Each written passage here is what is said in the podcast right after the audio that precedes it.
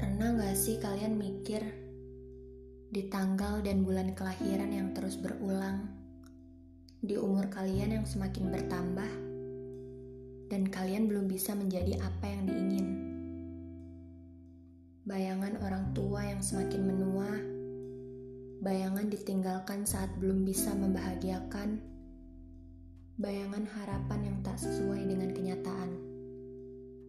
Semua itu berputar di pikiran dan tak seindah mimpi waktu kecil yang ingin cepat dewasa. Karena nyatanya, dewasa tak semudah yang dipikirkan. Selalu ada beban dan tanggung jawab yang harus digenggam.